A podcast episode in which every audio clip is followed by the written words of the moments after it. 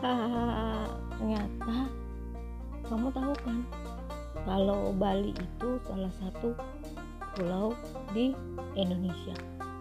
Dan aku baru dapat teman yang bilang Bali itu sebelah mananya Indonesia. Hi kok ketawa. Kita mau jelasin tapi kita nggak mau peta. Kalau menurut kalian gimana perlukah Indonesia dijelasin dari satu pulau ke pulau yang lainnya